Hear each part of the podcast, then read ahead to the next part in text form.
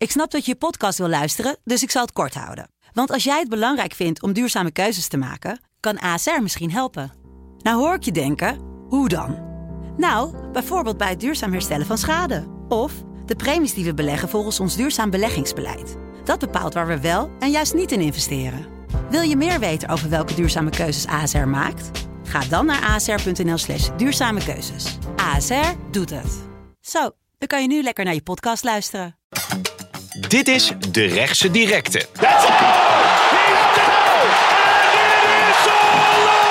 De vechtsportpodcast van De Telegraaf. Met Lars van Soest en Wilson Boldewijn. Welkom allemaal bij een nieuwe aflevering van De Rechtse Directe. Met eh, naast mij mijn eh, partner in crime, Lars van Soes, waar ik straks nog wel groot nieuws over heb.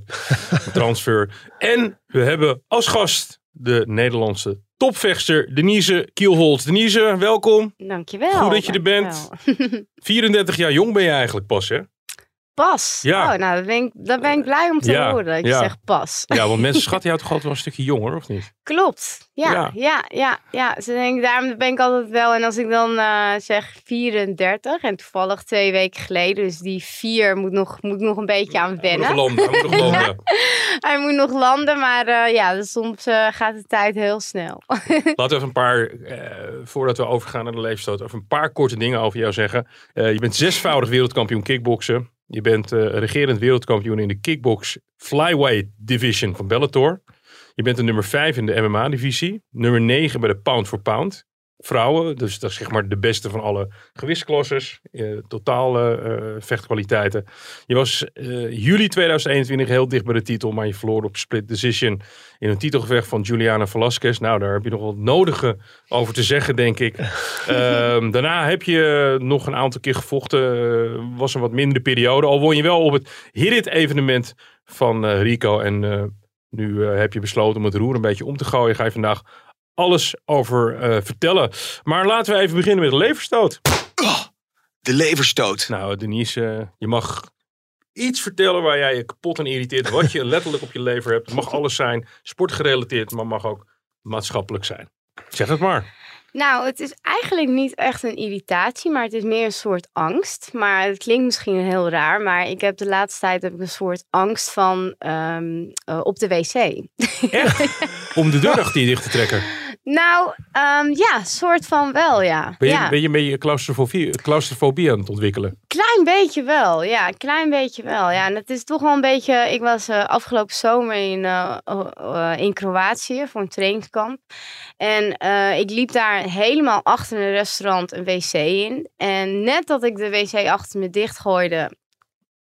Ja, het handvat viel letterlijk aan de andere kant op de grond. Nee toch? En die wc was echt helemaal ergens achter. Er waren amper vrouwen daar. Dus Je zat ja, opgesloten. Ik zat opgesloten. En toen heb ik toch wel echt eh, een klein zweetmomentje gehad. En moest ik echt heel goed op mijn ademhaling letten. Want eh, ja, ik was echt letterlijk bang. Dus ik heb nu, als ik naar de wc ga, dan neem ik eigenlijk altijd mijn tasje mee. En als ik zie dat er niemand in de wc, doe ik hem ook niet op slot. Hoe lang heb je daar gezeten op dat toilet in Kroatië? nou, voor mijn gevoel, uiteindelijk sche- scheen het 20 minuten of zo te zijn. Ik vind het Maar- best wel lang. Ja, dat was ook echt. eh, het was, eh, want het was een, eh, nou, toevallig een afscheidsfeestje van Tom, Tom, Tom Haring. Ja, oh, je was daar toen, bij Shakuriki. Klopt, voor Shakurikia. En eh, ik loop naar een wc en ik zag al van, oh ja, dit is wel een wc echt. Ik, gelukkig weten ze dat ik naar de wc ben. Ja, Maar ja, dan, eh, d- dan op en natuurlijk op een feestje, dan wordt dat heel snel. eh, maar, Ze hoorden je niet eh, gillen. De, waarschijnlijk nee, de ze muziek. hoorden me niet. hoe is het uiteindelijk eh, goed gekomen? heeft Nou- de deur ingetrapt. Nee, nee, nee. En het grappige was dat er een, er kwam een oud vrouwtje en ik hoorde op een gegeven moment voetstappen. Dus ik ging elke keer hallo, hallo. En dat vrouwtje deed de deur open en ik was helemaal bezweet en van angst. En kwam de, de, de eigenaar van het restaurant, die kwam, eh, die kwam zijn excuses aanbieden van de wc en dat dat niet meer mo- mocht gebeuren. Maar hij zei ook van, please don't tell your husband. Ja. Ja, voor de Dus- duidelijkheid, hij is die Gergens, hè? geen ongevaarlijke eh, kickbokser. Klopt. Eh, Nee, Ja. precies. wil je geen Ja. ruzie mee hebben als je, als je, als je zijn vriendin hebt opgesloten? Nee. Maar nee. die angsten, dat is iets heel irrationeels. hè. Die kunnen, ik weet dat mijn broer, eh CIO's gedaan, ALO gedaan. Mijn broer is echt de ultieme sportatleet. En die stond, uh, dit is geen levensstoot voor mij, maar ik wil even illustreren dat angsten opeens kunnen ontstaan. Die was op Sagrada Familia. Hij, zat in, hij zit in het onderwijs. En, hij, en daar heb je zo'n uh, zo'n brug waar je dan overheen moet lopen, heel hoog. En opeens kreeg hij hoogtevrees en begon hij, dook hij plat op de grond. En hij had nooit hoogtevrees. Toen. En vanaf die dag. En waarom je hersenen dat nou met je doen? Ja, wie Ja. het weet mag het zeggen. Ja, goed, ja. ja. Ik snap het wel als je 20 Dat minuten op de wc hebt gezeten, dat je daar niet blij van wordt. Ja.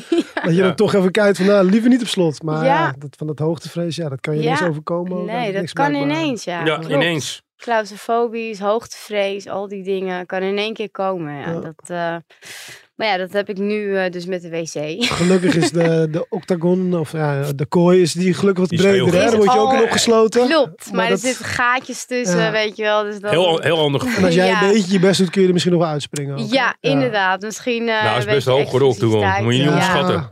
La- Lars van Soest, Dat ben ik. jij bent, eh, jij bent mijn eh, partner in crime. En dat eh, mogen mensen best weten. Jij bent vandaag voor het laatst mijn partner in crime. Nou, misschien dat ik je nog één keer, twee keer terugvraag. Dat moeten we nog maar zien. Oh. Maar jij gaat afscheid nemen van de Telegraaf. Ja, klopt. Ja, Jij gaat stoppen met de journalistiek. Je gaat heel wat anders doen. ja, Dat is een beslissing Telegraaf. die... hoeveel jaar Telegraaf? tien jaar telegraaf. Tien jaar. Toch. Niks, niks, niks. Dan zijn we niet zo heel sentimenteel hier. Nee, maar jij hebt 12 besloten om je carrière elders voor te zetten. Ja, klopt helemaal. En ehm, toch wel met een dubbel gevoel hoor. Want met name de vechtsport eh, heeft me wel gegrepen, om het zo te zeggen. Ik vind het een hele mooie wereld. Er valt altijd genoeg nieuws te halen. En dat is voor een journalist natuurlijk mooi. En het is ook nog een hele laagdrempelige Een wereld. laagdrempelige wereld inderdaad. Mensen, dat zei ik ook net tegen Denise in de, in de, op de gang. Mensen in de vechtsport vechten voor zichzelf, maar ook voor hun sport. Iedereen heeft een beetje hetzelfde gevoel van... eh, we zitten soms in het verdomhoekje en eh, iedereen wil een stapje extra ook zetten om de sport goed te vertegenwoordigen. Eh, dat vind ik heel mooi. Ondertussen ja, gebeuren er ook genoeg minder mooie dingen natuurlijk. En die blijf je dan kritisch volgen. Maar ja, ehm, ik merk wel dat ja, mensen kijken soms met een schuin oog naar de vechtsport van... Hey, ehm, soms een beetje onfris, maar als je jezelf in die wereld begeeft, kom je vooral heel veel aardige mensen tegen die ja, een stapje extra willen zetten voor hun sport.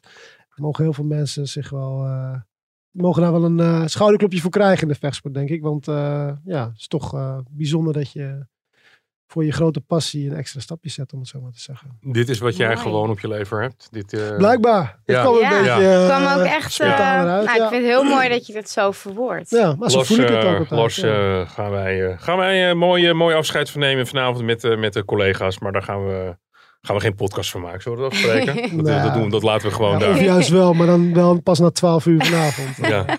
Denise, we gaan even verder met jou. Denise Ja. Kielholz. Jeetje, wat heb ik gezegd met die laatste twee letters van je naam? Denise Kielholz. Denise Kielholz. Denise Kielholz. Denise. Ja. Eh, Deze deze houden we week erin, hè? kwam er nieuws. 12 mei. Parijs. Wat gaat er gebeuren? Ja, er gaat een, ehm, er gaat een hele mooie wedstrijd eh, gaat er aankomen. En ehm, met eh, het alle voordeel voor mij. Ja? Ja. Waarom al voordeel voor jou? Wie is je tegenstander? Eh, Paulina Bittencourt. Ehm, eh, een Braziliaanse dame. Heeft net getekend bij Bellator. Toevallig in Brazilië heb ik met haar gespart. Dus ik weet Of sloeg eigenlijk je er al al... in elkaar of niet?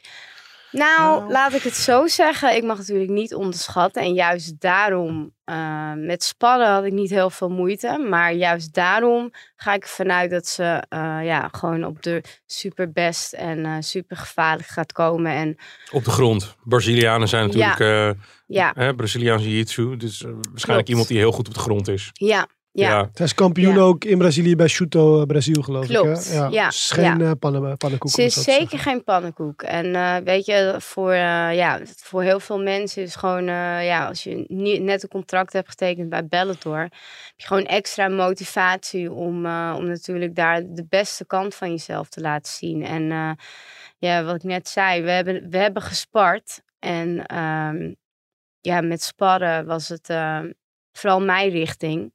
Maar daarom denk ik ook daarom, eh, dat ze nu eh, vooral gefocust is om eh, het gevecht naar de grond te brengen. Ja. Je zei net Ja. eh, alle voordeel voor mij. Hoe bedoelde je dat precies? Nou, kijk, meestal met sparren is het over en weer. Maar ehm, ja, op een gegeven moment was het gewoon echt vooral ik die eh, aan het werk was. Jij was is- do- jij jij was dominant. Ja, ik Ja. was dominant. Ik vocht naar voren. Ehm, ik had eerlijk gezegd toen ik met haar sparde, dacht ik niet dat zij in mijn gewicht zat, want ze leek toen veel zwaarder, veel groter. Mhm. Dus ik, ik had ook niet het idee dat zij eh, überhaupt een flyweight was. Maar ehm, ja, daarom juist denk ik nu dat, eh, ja, dat, dat zij gewoon eh, de beste versie van eh, zichzelf gaat proberen te laten zien. Is er nog een voordeel dat jij meer ervaren bent op dat niveau? Ze komt zelfs vooral in Brazilië gevochten ook, geloof ik. Hè? Ja, Is dat nog een voordeel of zeg je van ja, maakt, sp- vechtsport is universeel, dat maakt dan niet zo heel veel uit? ik denk dat het voor iedereen verschillend is. Ik denk de een vecht heel goed thuis en de ander vecht goed in het buitenland. En ik denk dat het echt voor iedereen persoonlijk verschillend is. Of je nou buiten je, je eigen stad, of je daar goed presteert. Ik denk wel dat eh, voor heel veel vechters, eh Bellator is natuurlijk een heel groot podium. En alles daar is gewoon professioneler en wordt professioneler aangepakt. Dus dat kan wel voor heel veel vechters of juist een motivatie zijn, of juist iets zijn van, oeh, dit wordt allemaal wel heel eh, voor het echi. Beetje extra zenuwen. eh, Ja, ja. Maar ja, zo, dat is voor iedereen verschillend. Hoe ga jij daar nu mee om? Want je hebt nu nou, zes partijen bij Bellator gevochten, denk ik. Zeven. Ja, ik zit echt al, ik heb natuurlijk eh, de Bellator Kickbox titel, dus Ja. eh, ik Ja, laatst, eh, ja, Ja. 2016 zat ik, eh, zat ik al bij Bellator. En ehm, eh, toen voor kickboksen en nu de laatste jaren MMA. Maar qua organisatie en de druk en natuurlijk het grootste po- op het grootste podium staan. Dat ben ik tot nu toe wel eh, gewend met hun. Wat, vind je, wat vind je eigenlijk leuker? Ik vind toch wel MMA leuker. Waarom? Ja. Nou, er is echt altijd wel wat te leren. En ik had wel een beetje het gevoel met kickboksen dat je op een gegeven moment wel een beetje doodloopt. En Ja. eh, de uitdagingen ook niet meer heel groot worden. En dat heb je met, A, met MMA heb je dat gewoon eh, ja, oneindig voor mijn gevoel. En eh, Waar zit hem die oneindigheid in? Is dat, is dat gewoon omdat het gewoon meer dimensies hebt staan op de grond? Ja. Tegen de, tegen de muur aan, zeg maar, tegen het hekje aan. ja, Kan allerlei kanten op. allerlei kanten. Je bent eigenlijk nooit uitgeleerd en nooit uitgetraind ook. En eh, ja, zo is nu ook. Er komen altijd wel weer nieuwe tegenstanders op in één keer vandaan. En met kickboksen heb je toch wel een bepaald groepje die elkaar, el- vooral met vrouwen, die elkaar altijd wel weer tegenkomen. Maar met MMA, dan heb je weer in één keer een worstelaar die Olympisch goud heeft gewonnen, die ook MMA gaat doen. En zo heb je altijd weer nieuwe uitdagingen. En eh, dat maakt eh, deze sport ook zo leuk. Hoe zit het met dat kickbo die kickbox-titel? Want volgens mij heb je die jaren geleden veroverd en eh nou, sindsdien niet meer verdedigd. Nee. Eh, of tenminste de laatste jaren niet meer verdedigd. Nee. Ga je die nog verdedigen of staat die divisie on hold bij Bellator? Hoe zit dat eigenlijk? Ja, Bellator is eigenlijk eh, de laatste jaren hebben ze kickboksen op een heel laag pitje Ja. gezet. En ehm, ehm, ze hebben mij verteld dat het is niet vakant, want die titel bestaat nog. Alleen eh, ja, op dit moment is het gewoon niet interessant om eh, voor die titel te vechten. De mensen kopen geen pay-per-view voor, eh voor kickboksen daar. Nee, en ik, ik denk ook wel dat eh Bellator was vooral met kickbox heel veel actief in Italië. En eh, daar hadden ze heel veel eh, met eh, samenwerking met Carlo Di Blasi. En die was echt van het kickboksen, van Ja. Octagon. En eh, sinds die samenwerking niet meer, eh, ja, niet meer bestond, dat ze uit elkaar gingen, is eigenlijk Bellator kickboxing een beetje eh, doodgevallen. Ze deden ook wel eens van die evenementen met een, een, een, kickboxring in de zaal en een kooi, toch? Ja, daar Dat heb ik ook gevochten. was echt zijn. heel vet, was Ja. dat. Ook een beetje Om- die afwisseling voor de fans en een beetje Ja. die cross, cross promotie, dat je Ja. allebei de sporten kan promoten. Ja, nee, dat vond ik echt een. daar zag je dus echt een kooi en een ring. En eigenlijk alle shows van Bellator, hoe ze dat bij elkaar hebben gebracht, dat kickboksen en MMA is gewoon altijd een show geweest. Eh, dus dat doen ze echt heel goed. Wij hadden Marloes Koenen, hè, vorige keer te gast. En die is juist heel erg onder indruk van het kickboksen vanwege het hoge tempo. Omdat maar zij zegt van met MMA voel je de energie in iemands lichaam. Dan weet je instinctief een beetje waar je heen moet. En ze zegt met kickboksen. John Jones zei het ook nog hè, na afloop van zijn laatste partij. Kickboksen, het kan zomaar zijn dat die ander precies de goede klap uitdeelt. En dan kan Ja. het zomaar de andere kant op zijn. Ja, Ehm, hoe, wat vind jij van die mening van Marloes?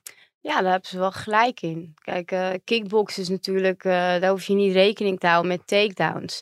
Dus het tempo van vechten kan gewoon in één snelheid alleen maar door en door gaan. Want je weet toch dat je niet rekening hoeft te houden met een takedown of met misschien een eh, rare sweep. Het kan wel, maar het wordt niet echt qua punten wordt dat niet echt meegeteld. En met MMA, ja, ten eerste de kooi is veel groter. Eh, er zijn geen hoeken waar je iemand kan vastzetten.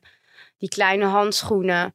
Dus sowieso een, een, een stoot-impact is, eh, is gewoon veel, vele malen groter dan met een handschoen. Het lijkt gewoon veel meer op een echt gevecht. In die Het zin. is, ja, ja. Ja, Ik vind ook altijd die, eh, die handschoenen, als je die handschoenen aan hebt, ja, het is gewoon een klein beetje bescherming voor je knokkel. Maar het is niet van dat er een demping in zit en dat je eh, dan de klap minder hard aankomt. Maar, maar ik ga een hele rare vraag stellen. Die kan je ook heel erg een male chauvinist pik. Je hebt een heel mooi gezicht. Heel fijn Ja, gezicht, eh, mooie huid. Maak je er wel eens zorgen over? Want zo'n MMA-handschoen komt keihard aan. Nee, Nee? nee, nee. niet dat je denkt van, oh, ik moet nog mijn hele leven mee met, dit, met, Ja. mijn- met mijn uiterlijk.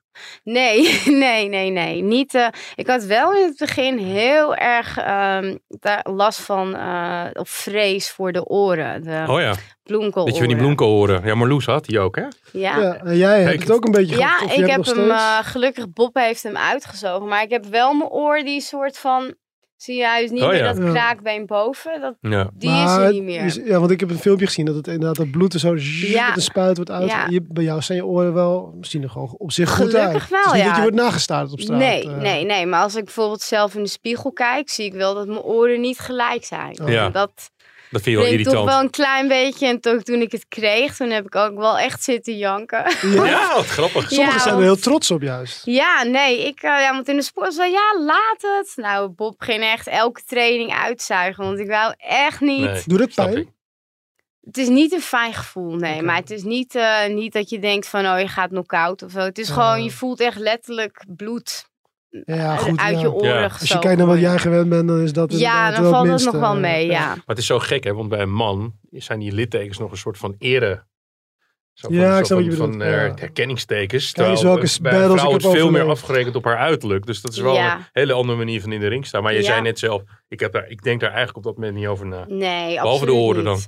Behalve mijn oren, ja. En dat was ook echt dat ik dacht, oké, zie je, heb ik al die tijd, want ik zei ook heel stoer, nee, ik ben daar niet vatbaar voor, want ik heb gejudo'd, anders had ik dat al lang wel iets Ja. gehad. En iemand zei ooit, omdat ik geen kraakbeen echt in mijn, in mijn oren heb, ben ik daar niet vatbaar voor. Maar ja, toch, eh, het is toch gebeurd. Ja. Ja.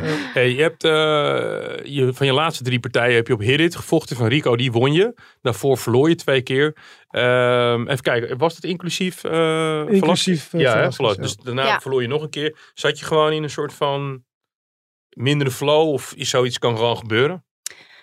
Nou, ik moet wel zeggen dat eh, vooral na de Velasquez-wedstrijd, dat, eh, dat het toen allemaal wel een beetje bij mij, eh, ja, niet, ik zou het niet zeggen doorgedraaid, maar ik zat niet in een goede spiraal, nee. Nee. En eh, de wedstrijd daarna, eh, dat wa ik was... Nam je die vorige partij nog te veel mee? Ja, ik was constant boos. Ik, toevallig is het precies een jaar geleden nu, dat, of tenminste ook 13 mei, dat ik toen tegen die Japanner vocht. eh Ja.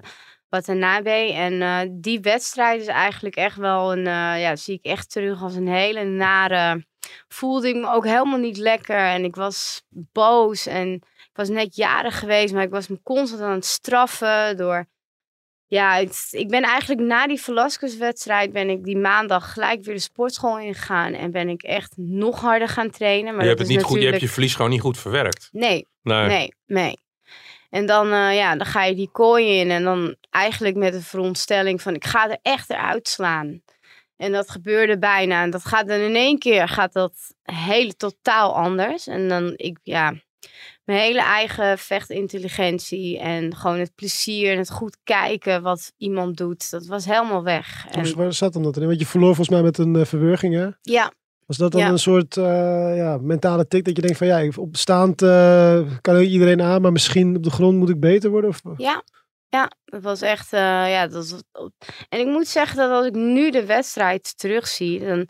Ik had daar nog wel uit kunnen komen. En ik had, als ik misschien net even wat slimmer had gevochten, had ik die tweede ronde. Want de eerste ronde had ze me in een klem. En die zat zo ontzettend strak. Dat, maar gewoon door mijn wilskracht en gewoon letterlijk op mijn tanden bijten. Van ik ga niet aftikken. En gelukkig was dat ook net het einde van de ronde. Zeven de bel. Save bij de bel, die zat echt heel strak. Maar die tweede ronde, ja, gewoon weer, eh, weer met de veronderstelling erin gaan van eh, ik ga er wel eruit slaan.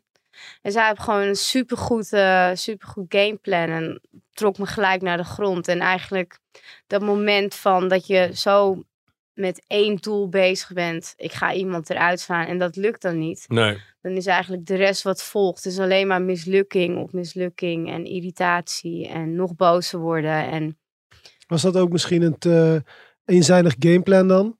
Van ik ga er eruit slaan en dat is het. En dan als het dan niet Ja. lukt, ja, kan ik me voorstellen dat je een beetje in paniek raakt. dat, dat eigenlijk, dat is het, ja. Het is, ehm, en eh, dat, dat zei Bob toen ook. We hebben het toch wel echt onderschat, eh Japanner. Dus ehm, ja, wij gingen er eigenlijk letterlijk in van eh, agressie en boos. En eh, gewoon echt vooral met mijn vuist laten zien eh, dat, dat ik haar eruit kan slaan. En ja, en eigenlijk totaal niet rekening gehouden met dat zij natuurlijk niet met mij gaat staan. Nee, Nee, nee, nee, je bent gek als je dat doet tegen zesvoudig kickboxwereldkampioen Ja. natuurlijk. Ja. Ja. Daarom, daarom besloot je uit het roer om te gooien. Daar gaan we het zo even over hebben. We gaan even het algemene vechtsportnieuws even doornemen. Tijd voor een rondje sparren. Lars, dopingonderzoek. Ja, Eh, ja, Een terugkerend thema. ja. we zeiden het net al, de, de sport is heel mooi, maar er gebeuren natuurlijk ook genoeg dingen, minder goede dingen. In alle sporten trouwens. eh, van de week ook het voetbal gezien. Ja. Ook niet leuk, maar ja, hier moeten we het toch even kort over hebben. Ook omdat het een veron- verontrustend signaal is. Dat onderzoek. Het onderzoek, ja. Er was bijna de helft van de vechters gebruikt doping. Moeten we ook jou de vraag stellen. Heb- Ben je er ooit mee in aanraking geweest? Of? Nee, Nee? nee, wel altijd getest, maar Ja. nooit, eh, nee. Nee, precies. Nou, Nooit gepakt. Nee. ja, nooit gepakt, nee, nooit Ja. gebruikt. Nee. Ja. nee. Zijn we heel blij om. Eh, Ja. Blijkbaar gebruikt volgens het onderzoek van, Mulier, van het Mulier Instituut de helft van de vechtsporters wel. Nu moet ik het ook wel een beetje opnemen voor de, ehm eh de profvechters, om het zo te zeggen. Want dat onderzoek ehm, ja, is misschien niet helemaal representatief. Omdat, moet ik het goed zeggen, 88% van de ondervraagden, de respondenten, eh, zijn autochtoon. Nou ja, ik weet, jullie zijn allemaal op eh, vechtsportevenementen geweest. Eh, dat is niet helemaal de Nee. verhouding zoals die is in de vechtsport. Dus Maar, Ja. maar hoezo? Wat, wat is autochtoon? Iemand die hier geboren en getogen is. ja, En ook al heeft hij andere achtergrond zoals ik bijvoorbeeld. Wat, wat zou ik dan zijn voor het onderzoek? Moet je daar het Mm, antwoord schuldig op blijven? Ja, dit. Volgens mij, een allochtoon iemand heeft eh, of is zelf in het buitenland geboren of diens ouders. Ja. Als ik het goed zeg. Nee, op, je, je komt dan vanuit een bepaalde. Je ouders komen dan uit een bepaald rijtje landen. Daar moeten zij geboren zijn. Dus iemand met ouders uit Marokko, maar hier geboren is nog steeds allochtoon. Ja, maar goed, laat, nou, Ja. het punt is duidelijk, denk Ja. ik. Het is niet helemaal juist eh, eh, ja, weergave van de vechtsportgroep. Nee, precies. Maar ik, vorige keer heb ik wel eens een keertje hier gezegd, want daar hadden wij ook een heel klein beetje meningsisch over. Kickboksen, eh, MMA, het is fucking zware sport. Helemaal, 's ochtends sparren, 's middags krachttraining. Volgende ochtend weer moet je weer MMA training doen. Eh, je lichaam moet gewoon weer, je moet gewoon weer die kunnen we het energie. aan Denise, zou je het Ja. willen? Zou je willen dat het mag? nee, maar ik snap Want dat ja, het gebruikt nee, wordt. nee, absoluut niet. ja, want Nee. dat is, kijk, dat, Nee, dat is echt niet eerlijk. Ik, ja, ik bedoel, van, ik, ik, ik kan erover meepraten omdat ik nooit heb gebruikt. En ik denk gewoon met de juiste voeding, de juiste trainingen en eh, de juiste rust, dat je gewoon eh, je lichaam optimaal kan gebruiken. En dat je, Maar dan heb jij een lichaam die dat kan. Want niet iedereen heeft. ja, dan Niet moet je iedereen heeft het talent, hè? doen. ja, dit- dan moet je blijf het niet doen, Ik vind blijf ik. ook bij het punt van, ja, het is, het is, het is, het is niet onschuldig als je, als je harder, onnatuurlijk hard kan slaan. Of, ik noem maar Ja. wat, weet je wel. Ja. Maar het gaat vooral om het herstellen. Ja, maar omdat je sneller meer kan herstellen. Beter herstelt kun je natuurlijk ook meer krachttraining Ja. doen. Krijg, word je sterk. Nou, goed, Ja, ja, Ja. je precies. wat ik bedoel. Maar Ja. wat ook, volgens mij was de, de gemiddelde leeftijd van die groep was 37. Nou ja, goed. eh, op Dat die is leeftijd eh, zijn heel veel mensen ook al gestopt. En dan heb je het misschien ook over eh, meer mensen die bijvoorbeeld eh, alleen in de gym eh, fitness doen. Die, Ja. die werden namelijk ook meegenomen. Oh ja, onderzoek. dan gaat het wel erg omhoog. Dus, dus ja, precies. En de vechtsportautoriteit die zei ook van nou, we, we, we, we herkennen het probleem en we vinden het verontrustend en eh, we, we willen het niet bagatelliseren, maar we willen wel beter kijken naar hoe we een betere weergave van de situatie kunnen krijgen. En de dopingautoriteit, ja, die riep de sport moet op de schop. Nou, dat, dat- daar zijn ze ook mee bezig. Hè. De vechtsportautoriteit is bezig met die nieuwe bond, zodat het meer gereguleerd wordt. Ook dat als jij dan gepakt wordt in Nederland, net als eigenlijk KVB UEFA, dat, dat je dan niet, als je in Nederland gepakt wordt, dat je dan wel in, Polen mag vechten bijvoorbeeld. Ja, dat, u- dat er een overkoepelende bond is. Ehm, ik, dus denk, ik denk dat het wel even zal duren voordat het allemaal goed geregeld Ja. is. Ja. Overigens, ik wil nog wel zeggen, ik doe, ik heb geen, ik doe geen pleidooi voor dopinggebruik bij de vechtsport. Maar het is een, het is een, eh, fysiek zo belachelijk en veel eisende sport. Ja. En de dopingautoriteit zei dus de, de sport moet op de schop. Maar voor de duidelijkheid, er zaten ook eh, andere sporten bij als taekwondo in dat onderzoek. En die, worden, die vallen wel onder de NOC en NSF. Ja. Dus die zijn wel goed georganiseerd. Dus ik snap wat ze bedoelen, maar ik denk dat, ze dan, dat de dopingautoriteit het dan meer heeft over eh, dat het kickboksen in Nederland ietsje anders moet worden geregeld. En meer met een overkoepelende bond die, ja, die, eh, die machtig is en alles, alle vormen van doping beter kan bestrijden. Laten we even naar de UFC kijken dit weekend. Want dit wordt natuurlijk de return of Alex Pereira tegen Israël Adesanya. eh Denise, ik weet niet of je vorige keer die partij gezien hebt. Ja, Hij had hem, sloeg hem er bijna uit al in de eerste ronde. ja, ja. Maar daarna was, was het, het fysieke geweld van vooral de upper body strength hè, van Ja. eh, Pereira was een beetje te groot. Klopt, klopt. Ja, ik hoor echt eh, dat die echt niet normaal hard slaat. Ja. En die, heeft, die verliest volgens mij ook voor een wedstrijd iets van 15 kilo of zo. Ja. Dus dat is echt wel een grote... Volgens mij zijn zijn eh, Glover Teixeira, dat is nu zijn trainer soort van, of zijn trainingspartner ook, semi. En die zei ook van, ja, hij kan gewoon op heavyweight vechten. als Ja. hij. En ik Ja. weet nog heel Hij goed, is ook heel lang hè. ja, Ja. ik weet nog heel goed, volgens mij heb ik het wel eens verteld hier, maar ik zeg het gewoon nog een keer. Ik was er toen bij in, eh, in de Gelderdoom dat hij tegen eh Bayrak vocht voor de wereldtitel. Ja. En ik zat aan de ring en ik was gewoon bang dat die Bayrak nooit meer zou opstaan. Echt, hij lag daar helemaal gestrekt en Mm. al het leven was uit het, li- uit het lichaam geslagen door Pereira. Echt ja, monsterlijk gewoon. Echt monster. En hebben we ook nog ja. die knie gehad tegen Wilnis in Utrecht. Ja, ja, Ja, maar ik, ik heb toen monsterlijk. ook naast hem gestaan na afloop. En toen zei ik van... ehm, kom op dan. Nee, dat zei ik ook. Zeg, kom op dan. En ik, toen viel het me op hoe groot hij was. Maar wat ik ook een beetje bij Pereira heb, als je in zijn ogen kijkt. ehm, ik heb het idee dat hij naar een of andere... Ja, ik ben zelf half Surinaams. Ik heb het idee dat hij naar een of andere medicijnman of een visieman is gegaan. En dat hij, zich, dat hij een soort onkwetsbaarheid... Ja, ik snap ritueel heeft wat gedaan. je bedoelt. Ja, ik snap wel. Dus Ja, oké. hij, Ja. hij staat te onbevreesd bijna in die ring. Ja, ja, Alsof, hij, alsof hij iemand heeft hem gezegd, je bent onkwetsbaar. ja, ja. En ehm, ik, ik, toen vroeg ik het hem ook. En toen begon hij alleen maar een beetje te lachen. Ik moest hier een tolk doen. Ja. Ik spreek geen Portugees. Toen dacht ik, ja, want hij is ook echt een beetje een halve Indiaan, weet je wel. Ja. Hij kan heel Ja. goed pijl en boog schieten ook. Hè? Ik zag een filmpje van Yushi. Yushi Belgaroui. Die had een, Die overigens voor ooit van hem gewonnen heeft. ja, ja, Ja. een van de weinigen. Maar Ja. die had iets in zijn hand. Ah, Oké. Een of andere stok met een appel. Ja, stok met een appel geloof ik. En toen ging Pereira van een afstandje met pijl en boog schieten. Nou, ik zou, ik zou Wow. het heel eng vinden. Dus Durven. respect. Maar die Pereira goed, schoot hem zo in het appeltje. Ja, Ja, het is gewoon een, het is gewoon een krijgen. ja het- dat Ja. is het, ja. Ja. Ik denk, denk, jij dat, eh, denk jij dat Adesanya een kans tegen hem maakt? Kijk, ik denk als hij slim vecht, wel. Want je ziet wel dat met dat bewegen wat hij deed, dat hij het in principe wel goed deed. Hij was aan de winnende hand, Pereira. Klopt, Of. Alessandra. Maar Ja. je zag toch dat in de laatste ronde werd hij een beetje te confident. Bleef hij stilstaan, met zijn rug tegen het hek aan staan. Ja, en eigenlijk moe. proberen de stoten te shiften. Nou, dat moet je absoluut niet doen bij Pereira. Nee. Dus je zag dat hij een beetje te confident werd. En dat heeft hem toch wel eh, gegrepen. Maar ik denk als hij gewoon tot echt de laatste ronde scherp blijft. En op de snelheid. kan houden in plaats van een gevecht, dan, Ja. dan wint hij denk ik. Ja, ja, en op snelheid. Want dat is hij wel. Hij is Ja. super snel. Hij staat links, rechts voor. Hij kan niet normaal shiften met zijn hoofd. Maar als hij dan wel in beweging blijft, dan, ja, dan ben ik wel benieuwd. eh, Hij kan zich een beetje verliezen in dat speelsige. Hè? Eh, ik wil niet zeggen Ja, maar ja, dat daar is, hij, is hij ook heel succesvol mee Precies, geweest. precies. Ja. Het werkt heel vaak. En hij, hij heeft ook wel een mooi, eh, mooi, ja, mooi imago. Weet je, hij komt op met zo'n gek dansje of wel Ja. eens. En, eh, The Last Stylebender is er bijna. En dan eh, doet hij Ja. iets van die tekenfilm The Last Airbender geloof ik. Ja. Ja, goed. Eh, mooi, maar hij moet, hij moet wel op dat soort momenten dat het echt om gaat. Dat weet hij nu natuurlijk ook na die vorige partij. Moet hij gewoon zakelijk zijn. Ja. En dat, ja, als hij dat doet, dan eh, kan hij het Ik wel punten het winnen, denk ik. ik denk het ook. Dan hebben we nog Masvidal hè, tegen Gilbert Burns. Ook eh, onderdeel van de main card. Heb jij, jij hebt in Amerika, Ja. dat was ook in eh, Florida of niet? Ja, ja Ook je- eh, bij ATT inderdaad. En Masvidal heb ik heel veel mee getraind. En ehm, ik, ik vind het altijd gewoon... eh, dat was ook echt wel een, een motivator. Die, die man is echt de hele dag in de sportschool aan het werk. Gewoon Beter trainen.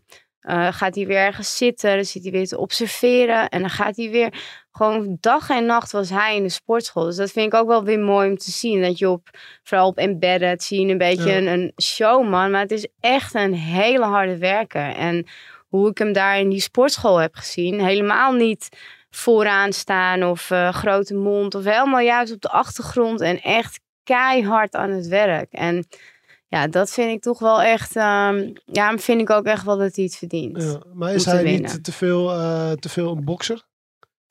Nou, kijk, ik mag natuurlijk niks zeggen, maar ik heb hem heel veel zien trainen op, eh, op takedown defense. En eh, Psychologisch inderdaad, als je tegen. Gilbert Burns vecht. Ja. daarom. En dat, eh, ik denk dat hij echt zijn hele, zijn totale MMA-spelletje, dat hij daar echt heel hard aan heeft gewerkt. En dat hij ook heel goed weet, Mike Brown overigens, is ook echt een supergoeie coach.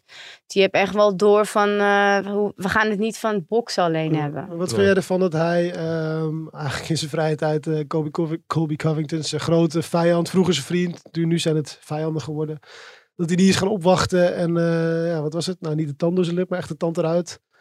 Heeft geslagen bij een restaurant ergens of zo. Oh ja? Oh, daar Oh. weet ik niks van. Oh, nou, nee, nee. Vind ik dan wel... Afkeuringswaardig in wat voor vorm dan ook. Ja, Ja. ja. Het, is, ja, denk nee, daar heb ik nooit van het gehoord. helpt, nee. helpt imago wel als bad boy. hè? Een beetje street, street Jesus wordt hij genoemd volgens mij. Ja, dat is de hele eiereten. Die Amerikanen die moeten gewoon eh, Ja. altijd relevant blijven. Ja. En dan ga je allerlei. Maar je hij is, wel, hij is ook wel echt een, een bad boy volgens mij. Want hij vocht vroeger gewoon in die, in die backyard fights. Hè? Vroeger Ja. had je Kimbo Slice. Ja, Dat was al gewoon gruwelijk. Want die gewoon met Ja. zijn blote vuisten sloeg hij mensen hun oogkassen echt letterlijk in.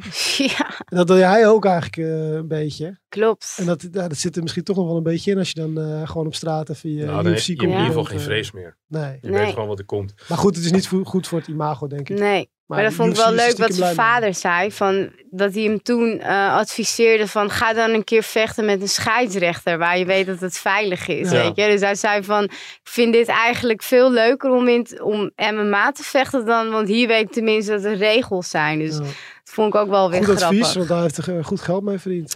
Zeker weten. Afgelopen weekend was volgens mij ook Gamebred Boxing. En ehm, ik zag wat mensen, die eh, Roy Jones Jr. vocht daar, bekende Ja. box, eh, bokser natuurlijk. Ik vind het altijd erg jammer. Voor mij hoeft dat. Ik hoef, Ja, ik- op leeftijd, Ik, ach, ik vond die man zo vroeger zo goed. Ja, En dan zie je ze nu als, als mensen van mijn leeftijd. ja. Zie je ze, dan is die hele passie of die hele. Dit is er helemaal af. Ja, ik. Maar hij heeft goed geld jongens, verdiend, stop. Hij heeft goed, Stop op je hoogtepunt, hij heeft volgens mij 6, 7 Ja. ton gepakt. Dus ja, Ja, maar snap goed. hem ook wel weer. Maar dat, dat bedoel ik zeggen. Dat is die Gamebred organisatie. eh, Ja. Is van Masvidal gedeeltelijk geloof ik. Dus Ja, goed advies van zijn vader om eh, in de ring te stappen. Ja, zeker weten. Ja. Laten we Ja. heel even vooruitkijken naar 29 april. Ehm, ooit eh, ooit eh, Koningsavond, hè? Koning, ko- koning, Koningendagavond, 29 april, eh, jaren Oh ja, geleden. ja, nu is het, Nu niet meer, Wat nu is niet het nu meer. ook weer? 27. 27 volgens mij Ja. met de koning. oké. Die eh, tien jaar op de troon zit. Goed opletten dat je niet op de verkeerde dag in je oranje pakje. Nee, nee, precies. Dat had je een paar jaar daarna nog. Nee, eh zwaargewicht eh, toernooi eh, van Glory eh, kijken we natuurlijk met z'n allen eh, naar uit in, eh, in Rotterdam. We hebben Jafar Wilnis, uh, Tari Kukiosaro, Louis Tavares, over doping gesproken. hè, Die mag weer eh, vechten. En we hebben Enver Schliver. Ja, doping, hij heeft zelf gezegd, eh, Het was een, eh, een pilletje voor de mannenkwaal. ja. Dus eh, Dat noemen wij ook Is- wel. Dat noemen wij ook wel. Vi, via. Nou, laat maar. blijkbaar. Oké. Maar goed. Ja. Ehm, ja, Ernest de Hoofd die heeft erover gezegd van de huidige zwaargewichten zijn beter dan zijn generatie. Nou, dat, dat, dat, dat is natuurlijk altijd met een Ja, gevaar wat vind jij daarvan? Wat dat vind vind ik met een gevaar van nostalgie. moet, je, moet je er altijd voor kijken. Ik denk, ik denk dat, de, dat host, als host dat zegt, heeft hij er heel goed over nagedacht. Ik heb dat ook best, ik ben wat ouder, ik heb het bewust meegemaakt die tijd. Eh, ik denk dat het gemiddelde niveau veel hoger is. Ja, Dat het, dat het gemiddelde atletisch zijn ze veel. Kickboksen op een veel hoger. Weet je, vroeger had je ook mensen als eh, Mike Bernardo en zo uit Zuid-Afrika. waren hele goede kickboxers. eh, Bob Sepp was... En, en hij is sowieso niet zo fan van Bob Sepp. nee, want hij heeft geweest, toen wel verloren. ja. Die haat hij nog steeds. Maar op Sepp kwam er wat later, omdat die Japanners wat meer spektakel wilden hebben. Ja. Maar Maar de Nederlanders wonnen trouwens toen ook. Ja. Maar de, de, de, de, de, de, veel jongens zijn veel groter.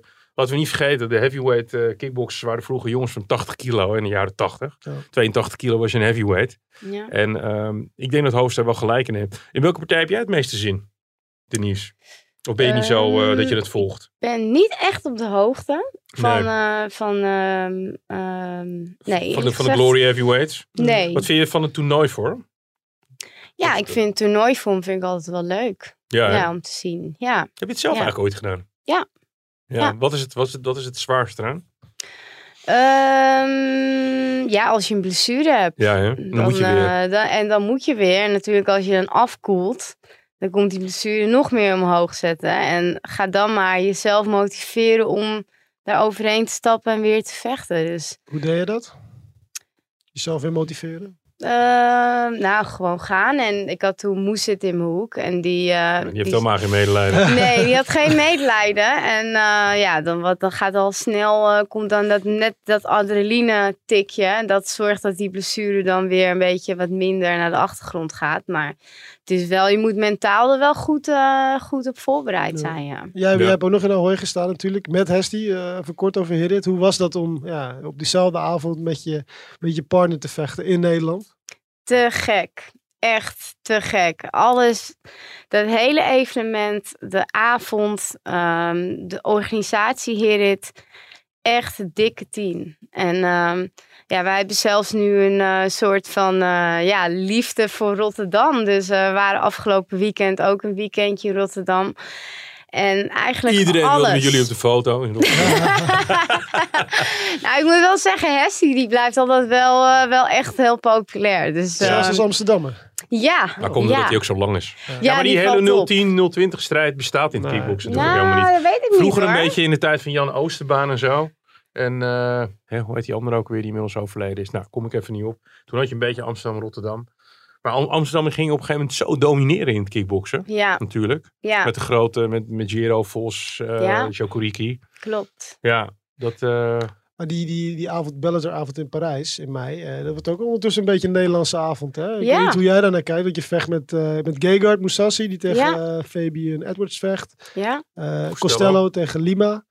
Ik, jij, jij gaat ervan uit dat de duizenden Nederlanders misschien wel eh, jullie komen aanmoedigen of wat? misschien wel. Ja, ik, ja, ik ga er niet vanuit. Voor, voor mij is alles altijd eh, goed. Maar ik, me- ik weet wel altijd dat eh, als veel Nederlanders, zoals Gegard en Costello, hebben al een keer in Londen gevochten. En toen leek het gewoon net Amsterdam. Ja, ja, jij was dat toen ook toen, met, Ja.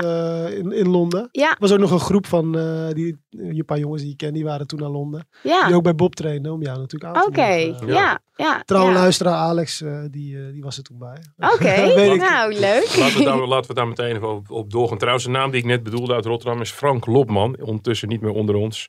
Hele, eh, dat is iemand waar tegen eh, Peter Aarts volgens mij zijn wereldtitel ook ooit kreeg. Want toen was Peter Aarts nog heel jong. Maar dit is allemaal uit de oude doos. Denise, jij hebt het roer omgegooid. De naam viel net al. Bob Schrijber. Jij bent, eh, na vijf jaar ben jij weggegaan. Ja. Was de chemie voorbij? Ehm, ja, de, de chemie die, die, die was anders, laat ik het zo zeggen. Door je Dus, verliespartij. ehm, nou, ehm, ja, dat, zeg maar als je... Kijk, de verliespartijen, ik heb ook in mijn kickboksen... Ik heb nog nooit zoveel achter elkaar verloren. Dus dan ga je sowieso, word je al een... eh, ja, word beetje je al een, achterdochtig. ja, word je al een kwetsbaarder persoon en ben je heel veel, eh, ja, ben je heel vatbaar. Nou, het was niet eens zozeer eh de twijfel, maar dan ben je wel vatbaar voor eh, de energie om je heen. En Mhm. ehm, ja, als de energie dan op een gegeven moment niet meer gaat zoals het hoort te zijn, dan moet je toch, ja, Egoïstisch zijn. Wat, wat, wat, wat werd er anders qua energie?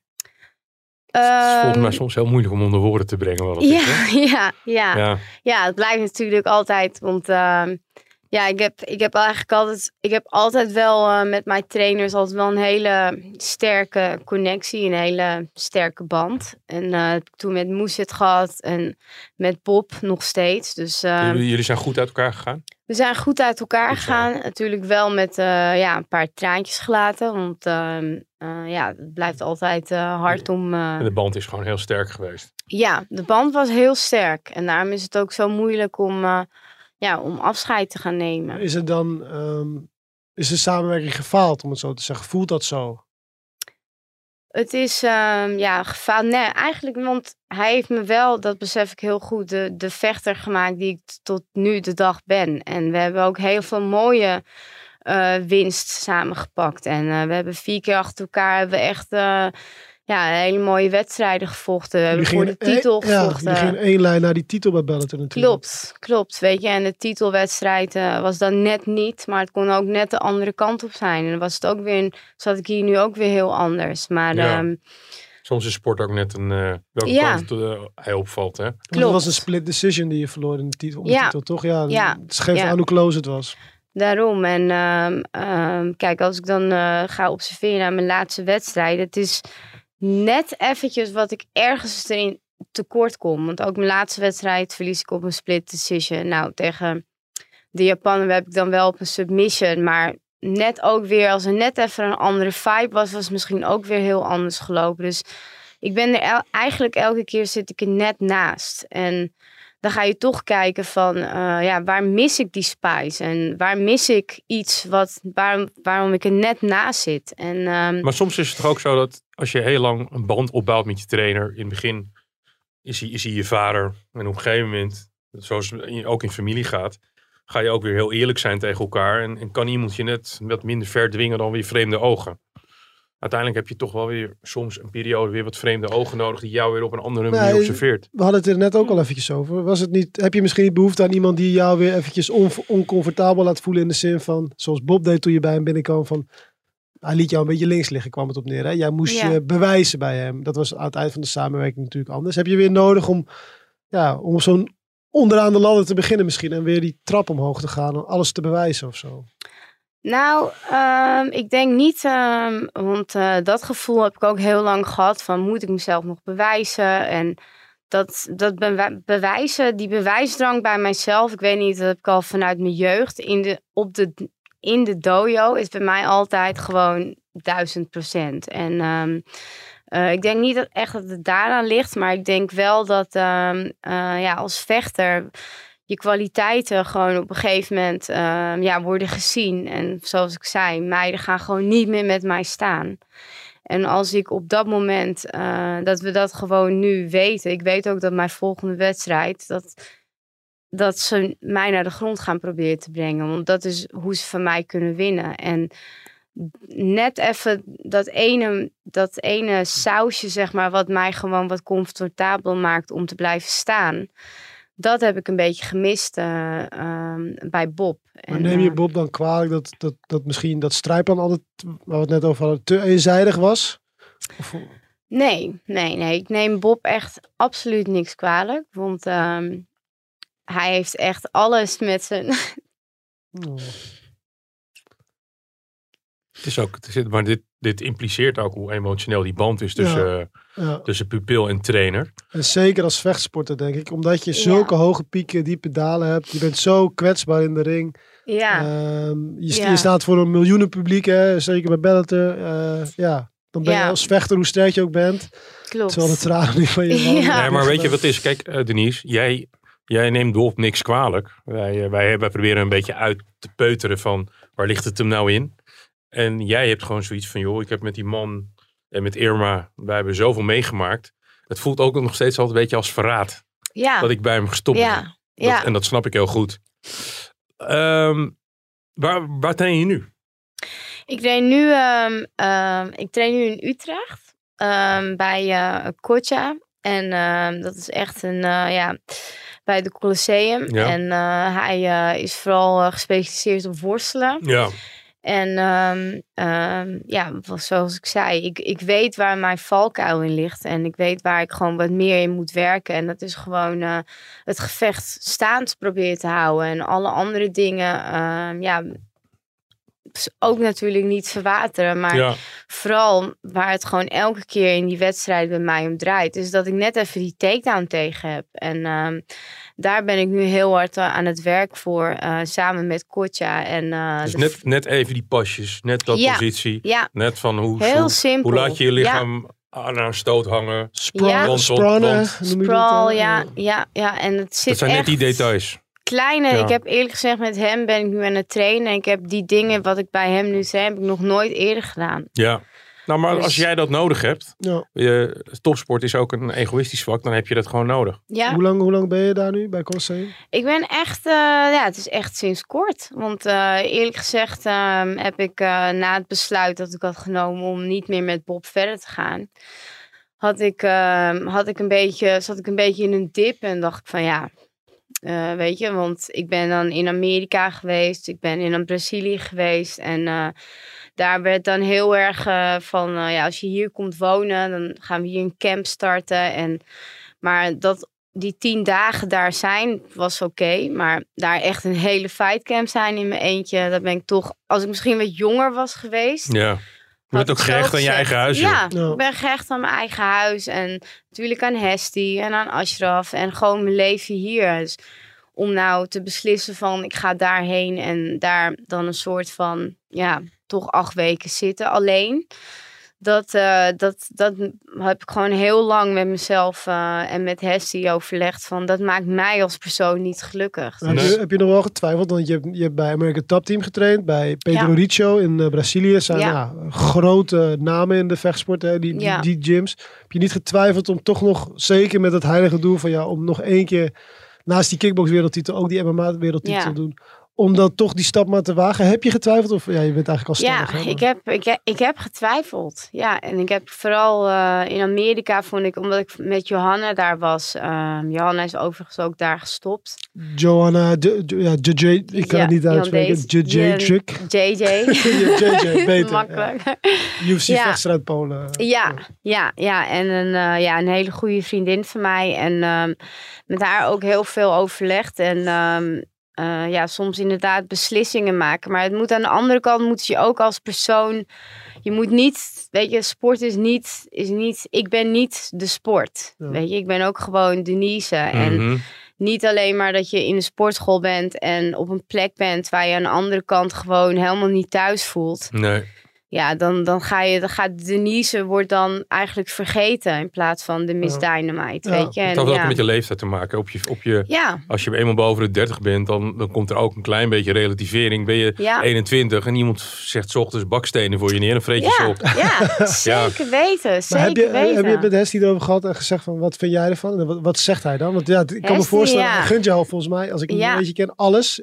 Hij, wil, hij gunt jou die titel meer dan wie dan ook. Dat mocht, Ja. dat mocht niet van. Maar hij wil, hij wil ook niet missen, denk ik. Nee, absoluut. Hij, we hebben, want we hebben het heel goed hierover eh, over gehad. En ehm, ehm, ja, dat, dat was het ook. Weet je, in Nederland is MMA nog zo klein Ja. eigenlijk. En helemaal.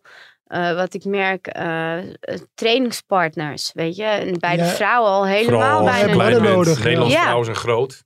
Ja, dus ja, voor mij is eigenlijk, was Bob natuurlijk gewoon geschikt. Want daar heb je ja, David, Sharif, Arnando. Ik had daar echt een groepje die, waar ik heel lekker mee trainde. Maar David Casal, geloof ik. Ja. Spaanse achtergrond, maar Ja, eh, ja, Bob ook, ja. ja. Ja, en daar trainde ik gewoon heel goed mee. En ehm, ja, in Amerika heb je ook gewoon natuurlijk heel veel vrouwen. Ja. In Brazilië had ik heel veel vrouwen. Maar... Wat meer, net wat meer jouw formaat ook gewoon. ja, Nederlandse ja. vrouwen zijn veel te groot. Ja, ja, ja, want ja, eerlijk gezegd, hier train ik gewoon niet met vrouwen. Want Nee. die zijn gewoon Nee. ja, Maar heb, je bijna nu, niet. heb je nu het gevoel dat je, ja, je hebt natuurlijk geproefd aan eh, de E, het A-level hè, in Amerika, Brazilië. Heb je nu het gevoel dat je hier wel ook dat A-level hebt gevonden? Of moet je toch genoegen nemen met ietsje, ietsje minder misschien?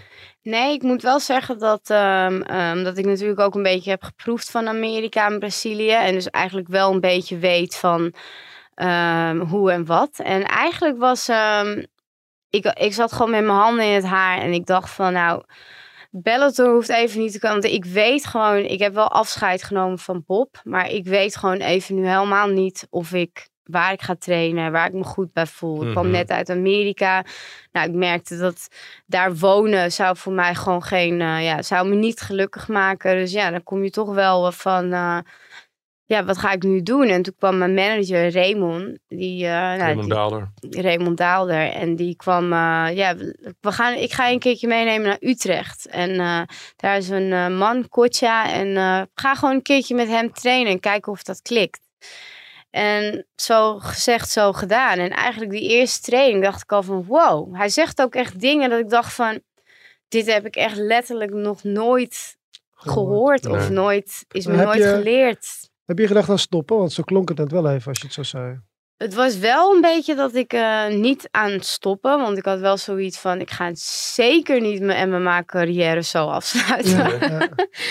Dus, eh, maar ik had wel zoiets van, eh, nou als Bellator later in het jaar komt, dan ben ik wel blij. Want ik Ja. weet het nu gewoon eventjes niet. Ja. Toen kwam, eh, en toevallig heb ik net, had ik net die week bij Kotja getraind. En in die week, dus ik denk altijd maar het universum geeft je tekens die in één keer zo op je pad komen Moest zo zijn blijkbaar. toen kreeg ik een telefoontje van over Parijs. En ehm, ja, toen dacht ik van, eh, ik ga dit. Ik heb nog nooit een wedstrijd afgeslagen. En ik heb nog nooit nee gezegd tegen een organisatie om niet te vechten. Dus dat ga ik nu ook niet doen. En ik weet waar, waar, waar, waar ik aan moet werken. En ik heb het gevoel dat ik dat met Kotja gewoon eh, op een hele goede eh, manier eh, onder de knie krijg. Ja. Het 12 mei is nog, nou, nou, het is eigenlijk helemaal niet meer zo ver. Nee. Ja? Het is eh, een klein ma- of ja, ruim een maand nog. Ja. Hoe, hoe Ja. ziet jouw voorbereiding de komende weken eruit? Ik begreep dat je volgens mij nog naar Thailand ook ging. Eh, ik ga niet voor deze wedstrijd naar Thailand, maar eh, wel na deze wedstrijd. Want ja, Raymond is daar echt een eh, super groot en eh, heel vet kamp aan het bouwen. En ehm, eh, ja, daar heb ik gewoon heel veel zin in. die eilanden, toch? Koh Samui. Ja. Dat is Ja. ook waar Robbie woont? Ja, ja, Ja. klopt. Ja, Robbie Timmers. Robbie Timmers. Ja. Maar wat is, want volgens mij hebben dat pro, super pro Samui is vooral kickboksen. Maar ja, jij bent MMA-vechter. Eh, Ja. Heeft hij, eh, wat, wat is daar dan? Nou, eh, ten eerste gewoon echt een super grote open mat, een zwembad, eh, een hele mooie eh, kooi. Dus eigenlijk Oh, alles ook echt wat op een- MMA gericht. Ja, het is ja. echt op MMA gericht. En, En dat is die eh, nieuwe, eh, dat nieuwe complex. Ik zie wel eens op Instagram wat voorbij komt. Zwembaden. En, Ja. eh, ja. Ja. Oh, dat wordt groot. groot Ja, het wordt echt eh super groot. En eigenlijk alle goede trainers zijn daar te vinden. Ehm, alle faciliteiten wat je daar gewoon voor een trainingskamp, voor een professionele, niet alleen maar Muay Thai, maar ook MMA. Als vechter, dat, dat kan je daar vinden. En dat is van Raymond. En dat is van Raymond, ja. Nou, als, ja. je als, als dat je manager is, kun je daar lekker Raymond, heen. is, Ja. eh, Raymond Ja. is altijd een begenadigd zakenman geweest. Hoor. Ja. Dus eh, dat kunnen we al aan hem overlaten. Ja. Hey, Ja. we gaan een beetje naar eh, die alles afsluitende vraag. De knockout. Knockout. Of, eh, We stellen één hele fundamentele vraag aan de gast. Dat het hele, de hele ziel open wordt gelegd. Al althans, dat is het doel ervan. Eh, Lars, omdat het eh, toch de laatste keer is. Ik denk niet dat het de laatste keer is. Ik ga je er nog even één of twee keer hierheen trekken. Maar eh, op, eigen, op eigen initiatief gaat het worden. Maar je mag hem wel stellen, de vraag. Oh, Ja, ja, ik wil eigenlijk drie namen noemen. En dan wil ik eigenlijk de- kijken wat er bij de Nies begint op te borrelen.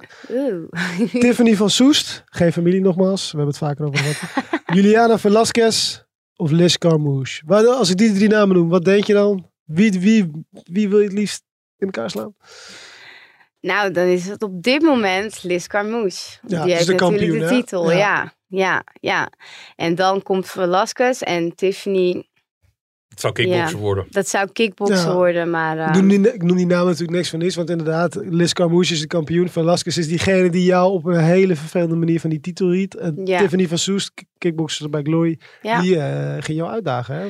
Klopt, klopt. Maar ehm, ja, als ik heel eerlijk ben, eh, voor wat zou ik dat doen? Weet je, Ja. ik, ehm, ik moet eerlijk zeggen, ik verdien, nou, ik verdien veel meer bij Bellator. Dus ik ga zeker niet voor minder eh, tegen iemand vechten waar ik al van heb gewonnen. Ja. Hoeveel moet Robbie eh, neerleggen om jou over te halen? Eh, laten we beginnen met. De dat laat ik aan luistert ook Raymond mee. over. Maar het is, Belastingdienst luistert ook mee. Ja, maar het is wel, kijk, eh, zo'n zo'n rivaliteit is natuurlijk mooi. Jullie hebben al een keer gevecht, gevochten ook, hè?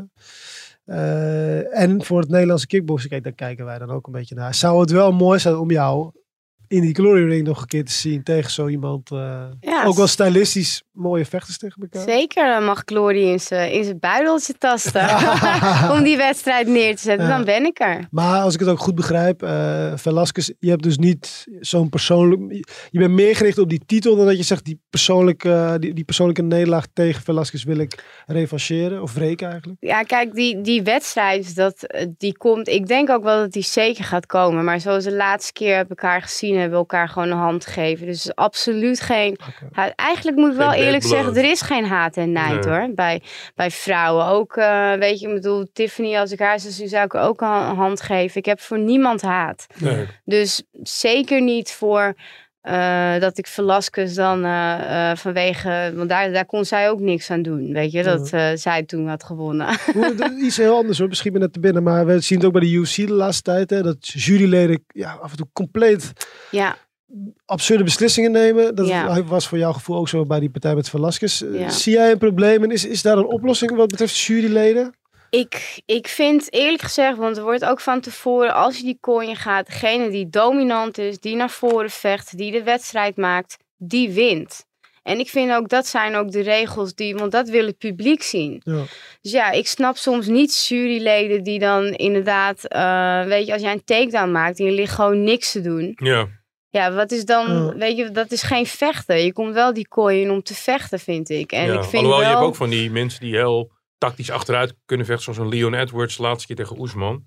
Moet, dan, dat onderscheid moet je natuurlijk wel maken. Mensen die het als tactiek gebruiken. Ja, ja, die ook, maar die maken ze wel schade in hun Ja. achteruit. Ze doen wel Ja. wat. Ze Ja. rennen niet alleen maar achteruit en doen niks. Maar zou, zouden je? ze niet meer moeten kijken naar eh, gewoon echt oud-vechters die juryleden zijn? Vechters die op het allerhoogste niveau hebben gevochten. Er moet misschien wel een soort opleiding voor zijn. Ik zie Wilson al nee Nee, schudden. ik zou het nooit doen. Nee? Nee, ik denk omdat ik denk dat vechters. Omdat ze zelf te veel klappen hebben gehad. om- Nee. dat zeg ik maar ik denk uiteindelijk dat ze te subjectief zijn. Dat ze heel erg. Je weet toch, vechters. Oud-vechters kunnen ook ontzettende fitties Ja. met elkaar krijgen. Ja, maar jij stelde toen niks voor. Ja, En jij je- stelt niks in, want ik deed vroeger dit. Ik denk je dat je ook niet moet willen. Je moet ook niet random vechten. Zeggen, hey, eh, ben, je, ben je vanavond aanwezig? Oké, dan zit jij eh, als jurylid. Je moet natuurlijk wel een soort pool maken met mensen die je, die, eh, die je opleidt. En Ja. die, ja, die Maar misschien zijn er genoeg juryleden die ook wel eens gewoon. Ook als recreant op de MMA-mat staan of zo. Ja, maar, kan ook zijn dat daar best wel echt veel expertise zit. Misschien wel meer dan je denkt. Ja, ik weet het overigens niet. waar. Wij als journalisten hebben natuurlijk ook heel veel verstand van zaken. Terwijl Zeker. we altijd op onze zijkant staan. Maar de, de volgorde was duidelijk, eh, Denise. ja, Hey, ik wil jij heel erg bedanken dat je hier was. Ik vind dat je een mooie uitdaging hebt. Ehm, dankjewel. we hebben gelachen, we hebben gehuild. Hè? Ja. Kan ook wel eens Ja. iets gezegd worden, ook belangrijk. Sport is ook emoties. Je gaat nog een hele mooie eh, en belangrijke periode tegemoet. En je bent nog een beetje op zoektocht naar hoe precies qua, qua training. Maar daar ga je gewoon, eh, daar ga je gewoon eh, uitkomen. Ik zou zeggen, eh gotcha. Bij gotcha. Ja, Ja, ja. Klopt, klopt. Gotcha. Maar ik, kreeg, gotcha. ik kreeg het idee dat het verhaal niet helemaal compleet was. Dat, dat, Nee hoor, ik deel. ben, ehm, ik ben ook nu natuurlijk volop in trainingskamp. En eh Gotcha is echt, een, eh, is echt een hele toegevoegde waarde in mijn, eh, in mijn ehm, wereld Ja. als MMA-vechter. Maar voor de duidelijkheid, is hij een toegevoegde waarde of is hij jouw hoofdtrainer nu? Hij is mijn hoofd. Ja. Hij is wel de Ja, hoofdtrainer. Oké, ja, dat is ja, duidelijk. Ja, samen met Hesti en met Ashraf. Oh, ja. En ehm Hesti neemt wel nu wel meer de taak over voor mijn staande gedeelte. Dat moet je ook maar kunnen, hè? Met Ja. je eigen man. Oeh. Dus Ja. dat is Maar nu... ja, jullie eh, kenden elkaar al zo, dus ja. dat is misschien, dat scheelt klopt, ook. Ja. Klopt, klopt. Maar het is ik moet wel, apart als, als, als Hesty dan eh, overdag zegt, Denise, je moet dit doen. En dat Denise s'avonds zegt, Hesty, je moet even stofzuigen. Ja, ja. Ja. Dat is toch grappig? Nee, maar ik ga je zeggen, dat gaat hij gewoon doen. Ja. Hey, Ja. eh, Lars, eh, bedankt voor, voor alles. Voor deze podcast samen. We zullen het nooit vergeten. We zullen het nooit Nee. vergeten. De mensheid zal nog duizenden jaren hierna. eh, de piramides die staan er. Ik zal mijn kinderen later zal ik deze podcast allemaal laten Ja, teruglaten. precies. Hey, eh, het, gaat, het gaat je goed en eh, we komen elkaar vast wel weer tegen. En wie weet eh, ook weer een keertje terug bij de, bij de podcast. Dankjewel. Ongetwijfeld. Dit was de rechtse directe voor deze keer. Eh, nou, u hoort ons vast snel weer terug. Dag.